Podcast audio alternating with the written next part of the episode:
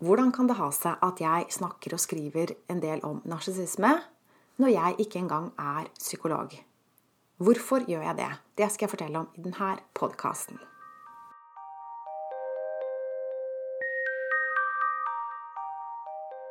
Jeg heter Line Strandvik. Jeg jobber online som personlig veileder, hvor jeg hjelper deg tilbake til sannhet, hvor livet er ekte og meningsfullt.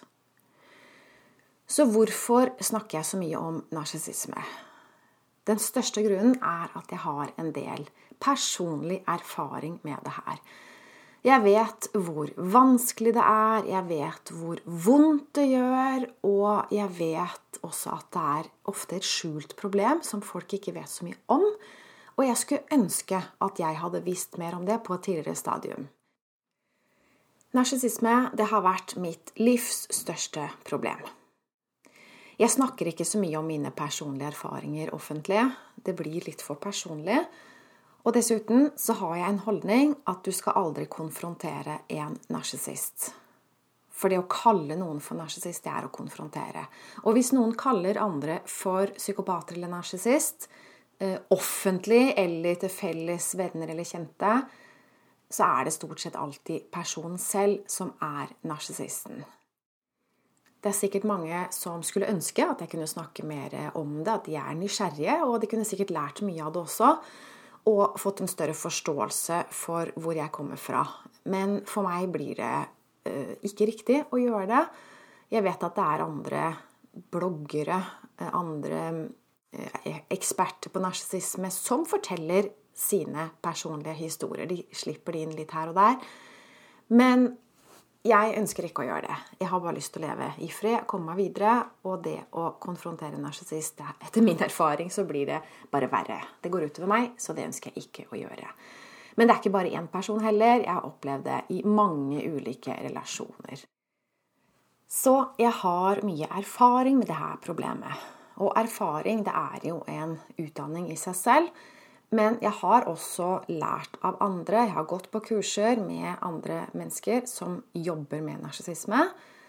Men det er bakgrunnen min, det er summen av alt jeg har gjort og lært i livet, som har gitt meg denne ballasten, at jeg nå forstår dette problemet til bunns. For vi skal huske på at menneskelige relasjoner det er ikke en spesialkompetanse kun for noen få utvalgte. Hvem som helst kan bli eksponert for narsissisme i sitt liv. Menneskerelasjoner det er noe vi alle opplever og har erfaring med. I motsetning til en hjertekirurg eller en astronaut. Sånne ting trenger man utdannelse til, for det er veldig spesielt. Erfaring og trening det er viktig i alle fag. Øvelse gjør mester. Det gjør det virkelig, og det er nødvendig. Men en formell utdanning det er ikke alltid hva vi tror det er. Vi tror at det gir et kvalitetsstempel, men vi skal passe oss for å ikke ha for høye tanker om utdanning. Og det har jeg lært alt om. Jeg er jo utdanna sivilingeniør i maskin. Og jeg har alltid hatt den dypeste respekten for eh, gutta på gulvet, eller alle som har mekka på en bil i hele sitt liv, som ikke har noen utdanning, men som har lang erfaring og ikke minst lidenskap for faget. Jeg vet godt at de kan kunne mye mer enn meg. Jeg har aldri hatt lidenskap for faget maskin, og jeg tror man blir best når man elsker det man driver med. For da blir det ikke bare en jobb, men det blir en livsstil. Så jeg er fullt klar over at jeg har ikke like, like mye peiling på maskin som det mange uten utdanning har. Utdanning, det er ikke alt. Det er så mye mer. Det er så mange andre måter å lære på. Det er sikkert mye jeg ikke kan om psykologi og om narsissisme. Men det jeg kan, og det jeg vil våge å påstå at jeg kan veldig bra, det er hvordan man takler narsissister. Og det er ikke bare bare. Det er noen som sier at ja, det er bare å holde seg unna. Men så lett er det ikke. For hva hvis det er søsteren din eller faren din? Så lett er det ikke å bare holde seg unna. Og hva om man har barn sammen? Da er du nødt til å forholde deg til denne personen. Og du vil også se at problemet blir infiltrert i hele familien. Barna dine vil også bli påvirka, så du må også lære deg å håndtere barna dine. Det er mange som tror at det er nok å bare forstå, at de kan lese seg til det og sånne ting, eller snakke med noen, at man kan ha en sånn mental forståelse at det er bare det som skal til. Og det spør de meg også ofte om. Jeg trenger noen teknikker. Og så svarer jeg at du trenger mer enn bare noen teknikker. Du må finne ut av presist hvordan narsissisten har grepet om deg via dine egne følelser. Så du må inn og helbrede gamle sår fullt og helt. Og det er derfor jeg sier at narsissisme det trigger deg til åndelig oppvåkning. Og det jeg kan mye om, det er healing. Det har jeg mye erfaring med. Og jeg bruker som sagt det jeg har lært i livet, til å, uh, til å helbrede meg selv først og fremst, men også til å hjelpe andre til å helbrede seg selv. Det mange flere trenger å vite, det er at det er mulig å bli lykkelig skilt med trygge og glade barn, selv om du har barn med en narsissist. Og det er heller ikke vanskelig. Det er vanskelig hvis du bruker de tradisjonelle metodene.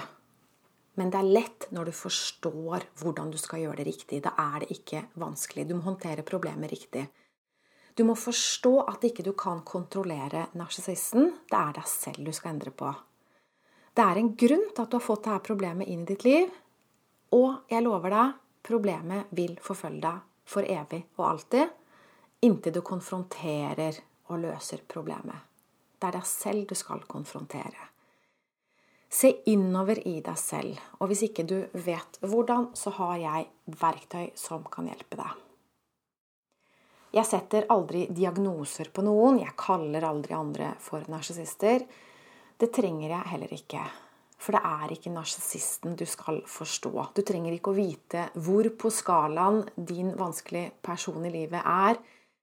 For det er nemlig deg selv du skal bli klok på. Så det jeg driver med, det er selvutvikling.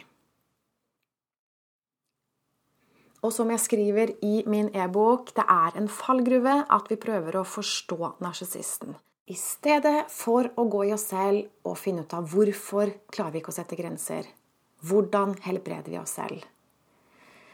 Det er det vi skal fokusere på, og det er det jeg kan mye om og kan hjelpe med. Så for å oppsummere hvorfor snakker jeg om narsissisme? Det er fordi denne kunnskapen har redda mitt liv og mine barns liv. Det er verdifull kunnskap. Og for det andre så ønsker jeg å bruke mitt liv på å hjelpe andre mennesker på best mulig måte. Og ikke fordi jeg tror jeg vil få en eller annen belønning i himmelen for det, eller noe sånt nå. Men det handler om at jeg gjør det fordi jeg liker det. Det gir meg veldig mye. Det gjør meg glad.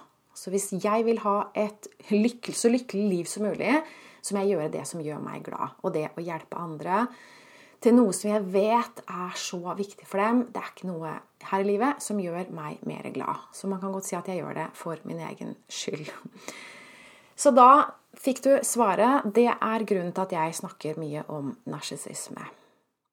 Trenger du å lære mer om det her, eller bare har lyst til å snakke med meg om noe annet, så kontakter du meg på linestrandvik.no klarhet. Her kan du bestille en avklaringssamtale, og så kan vi ta det derfra. Tusen takk for at du hørte med. Jeg ønsker deg en fin dag videre. Ha det.